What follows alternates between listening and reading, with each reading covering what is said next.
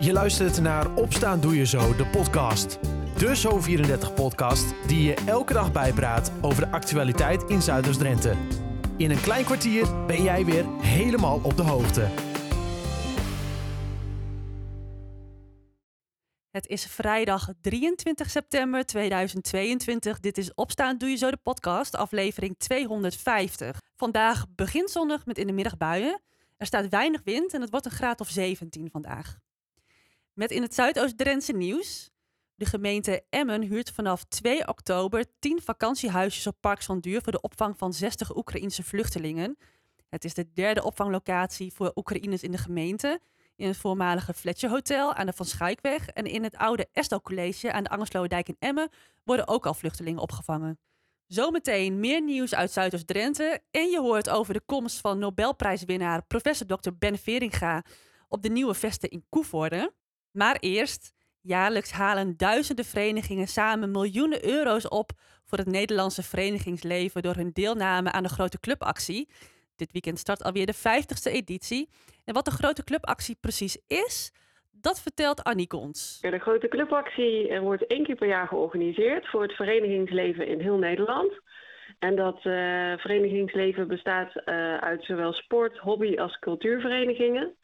En zij uh, gaan één keer per jaar op pad om loodjes te verkopen voor hun club. Om zo extra geld op te halen. En van dat geld ja, met name leuke dingen te doen. of bijvoorbeeld nieuwe materialen. Onderhoud van de club, et cetera. Ja, de, de spaardoelen zijn oneindig. Maar loten verkopen voor je club en daar een extra zakcentje mee ophalen, dat is wat we doen. Ja, want jullie bestaan dus ook al 50 jaar. Ja. Um, en, en is er in die 50 jaar ook dan nog iets veranderd? Nou, wat het mooie aan het verhaal is inderdaad dit jaar 50 jaar. In 1972 is het ontstaan. Toen nog lokaal. Uh, vijf jaar later is het uh, een landelijke actie geworden. En al 50 jaar is het concept hetzelfde: dat leden van de verenigingen op pad gaan en loodjes verkopen. Ja. En dat 80% van die uh, verkoop naar de club gaat. Ja. Dat is al 50 jaar precies hetzelfde. En natuurlijk is er wel wat veranderd in die 50 jaar. Maar dat is met name de manier van loten verkopen. Dus waar je vroeger uh, aan de deur stond en een gulden in je hand kreeg van de koper, kun je bijvoorbeeld dit jaar of, of de afgelopen jaren uh, uh, de koper een QR-code laten scannen. En kopen ze op die manier een, een lot. Uh, dus de aankoop, de manier van loten kopen is veranderd, maar het concept is al 50 jaar ongewijzigd. Ik denk dat ook heel veel mensen, want ik zat gisteren bij mijn ouders aan de keukentafel en mijn vader zegt, oh, ik ben, ik ben zelfs ook heel erg bekend met de grote clubactie. Um, ja. Iedereen heeft er wel een soort van uh, een band mee, heb ik het gevoel. Ja, zeker. Nu dat je dat 50-jarig jubileum viert, uh, komen die verhalen ook heel leuk naar boven.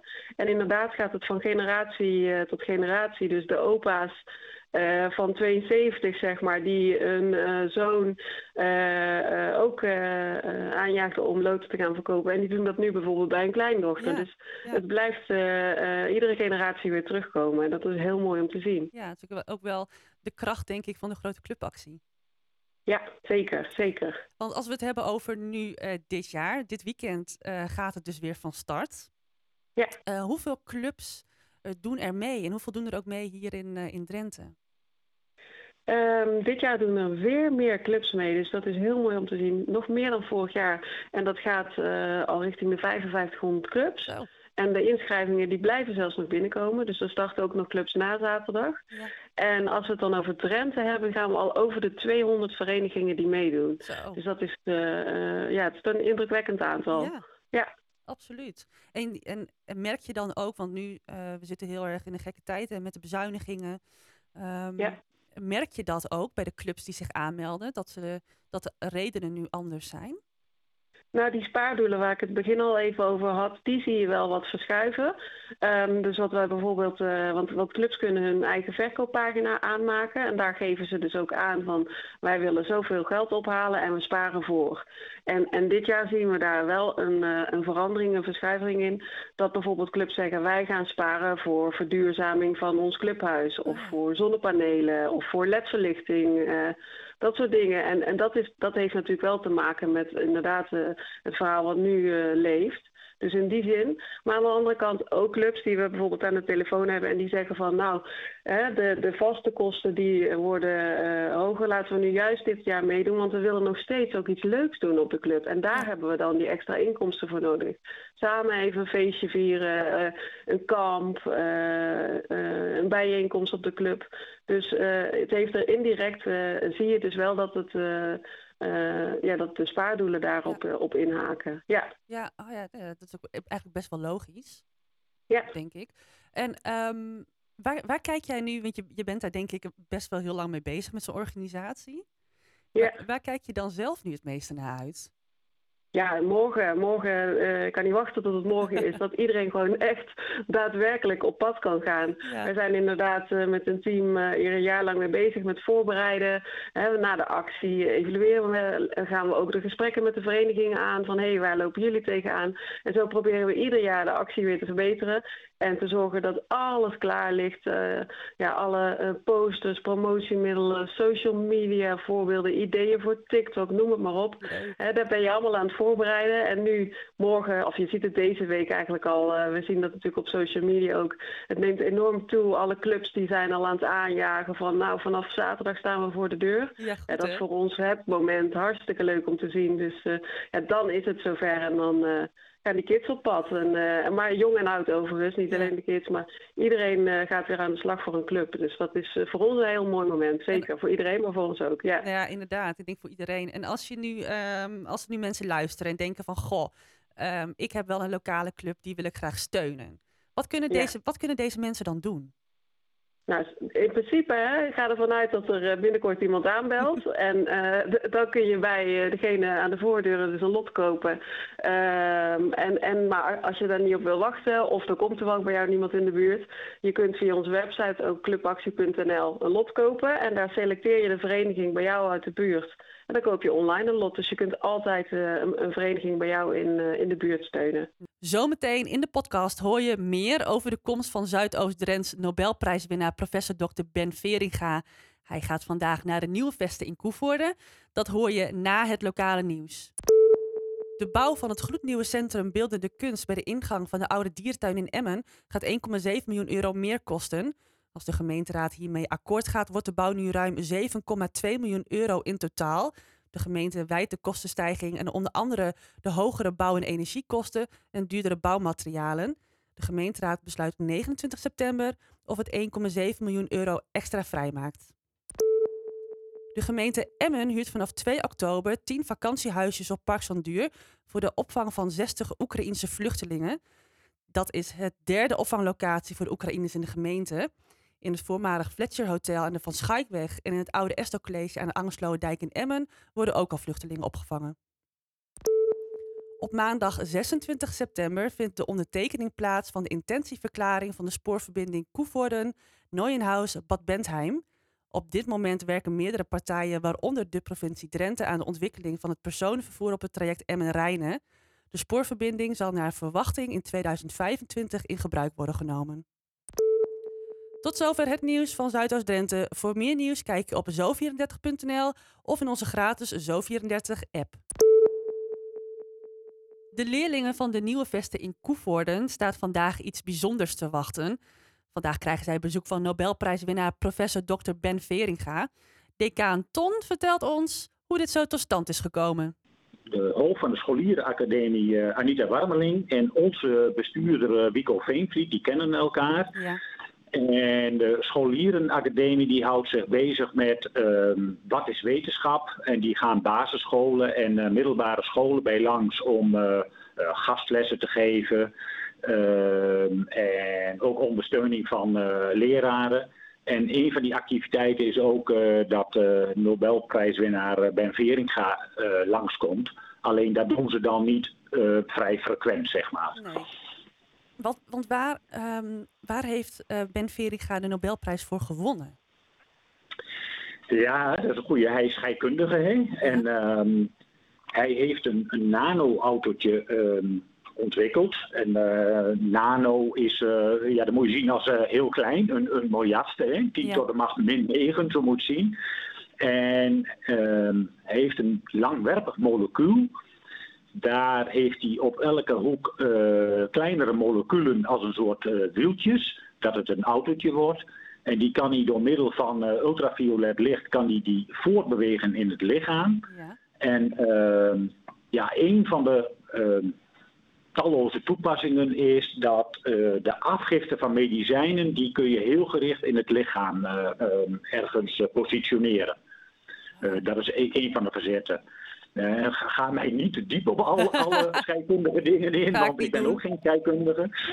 Maar ehm, ja, dat heeft hij samen met twee anderen, eh, ik dacht een Fransman en een, eh, en een Brit, ehm, heeft hij dat gewonnen in 2016. Ja, ja want ik, ik heb ook gelezen dat het echt ook echt een, een doorbraak is van wereldformaat, wat, wat Ben heeft gedaan. Ja, dat klopt, want je krijgt niet zomaar de Nobelprijswinnaar voor, een, voor een onderzoek. Nee. Maar en, en hij komt dus vandaag bij jullie op school. Wat, eh, Ja. wat, wat kunnen de leerlingen dan eh, zoal verwachten? Eh, het programma is van 12 tot 4. Eh, ja, eigenlijk van 1 tot 4. Want eh, tussen 12 en 1 eh, gaan we hem ontvangen en dan gaan we eerst even lunchen. en om 1 uur start het programma voor de leerlingen. Ja. En die hebben voorafgaand aan dit bezoek, hebben ze al tijdens mentorlessen en scheikundelessen, hebben ze zich al ehm, wat kunnen voorbereiden op dit bezoek. En dat houdt in dat ze tijdens de mentorles eh, ten eerste ehm, ontdekt hebben wie eigenlijk Ben Veringa eh, is. En, Ja. ehm, en, en, en wat voor Nobelprijs hij uiteindelijk heeft gewonnen. En tijdens de scheikundelessen hebben ze alvast eh, wat geoefend met proefjes. En om, eh, ook tijdens de mentorles hebben ze vragen bedacht die ze hem eventueel mogen stellen. Oh, goed. En eh, al die vragen die zijn verzameld en die zijn opgestuurd naar de scholierenacademie. En die hebben daar weer een filtering uitgehaald welke vragen straks gesteld mogen worden tijdens eh, de college tour. Want Ja. daar begint het uiteindelijk mee. Hè? Tussen 1 en 2 uur hebben we de college tour. En dan gaat de heer Veringa gaat zijn verhaal vertellen van zijn loopbaan. Van eh, kom af van het boerengezin uit uh, Barge Kompas tot uiteindelijk wie hij nu geworden is. Ja. En tussentijds mogen de leerlingen ehm, mogen vragen stellen. En die vragen die zijn dus al uitgefilterd. Ja. En eh, nou ja, gaandeweg die college tour, het verhaal van zijn loopbaan aangevuld met vragen van de leerlingen. Dat is deel 1. En deel 2 is van 2 tot 3 uur gaan we naar ehm, vier lokalen toe. Waar de scheikundedocent uh, samen met ehm, uh, zijn ehm, technisch onderwijsassistent samen proefjes hebben bedacht. Die ze ehm, tijdens het bezoek van de heer Vering gaan laten zien. Een viertal proeven gaan ze doen. Ja. En dat gaat om drie HAVO 3 VWO-leerlingen Ja. van Nieuwe Veste Koevoorden. Totaal 90 leerlingen die we in vier groepen hebben verdeeld. En die doen in een carouselletje die vier proeven. En de heer Veringa um, loopt er rond. En die gaat met die leerlingen in gesprek. Tof man. Uh, ja, hij is heel erg uh, leerlinggericht. Hij wil laten zien uh, aan leerlingen heen van uh, hoe je loopbaan eruit kan zien als je maar ambitie en motivatie Ja. hebt. Daarover wil hij in gesprek. ik denk dat het en heel inspirerend is ook voor, eh, voor de leerlingen. Ja, absoluut. Je merkt ook wel dat ze het wel spannend vinden. Hè? En ook eh, vragen stellen vinden ze wel, eh, wel spannend. Ja, snap ik. Ja, Kijk, en, heb... eh, ja? Nee, ga verder. Ga verder. Ja, en, en, en eh, om drie uur zijn de proefjes afgelopen. Dan is het ook voor de leerlingen afgelopen. En het laatste uurtje van drie tot vier gaan wij in een eh, informele setting... gaan wij nog even onder het genot van een hapje en drankje... met onze collega's en de heer Veringa en zijn team. Ik moet eigenlijk zeggen team Veringa, zo noemt hij het ook steeds.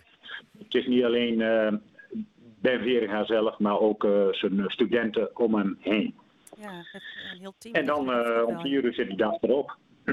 Waar, waar kijk je nu het zelf, zelf het meeste naar uit? Ja, ik denk hoe die, eh, eh, die gesprekken aangaat met die leerlingen en hoe die eh, probeert leerlingen te enthousiasmeren. Ja. Eh, daar, daar ben ik wel eh, eh, benieuwd naar hoe, eh, en ook hoe onze leerlingen zelf, hè, 14, 15 jaar zijn ze, eh, ja, hoe die het gesprek met hem aangaan. Al dus Ton, die samen met 90 leerlingen meer te weten gaan komen over Team Veringa en zijn doorbraak van wereldformaat. Tot zover Opstaan Doe Je Zo de podcast van vrijdag 23 september 2022. Ik wens je een hele fijne dag, een heel fijn weekend en tot maandag.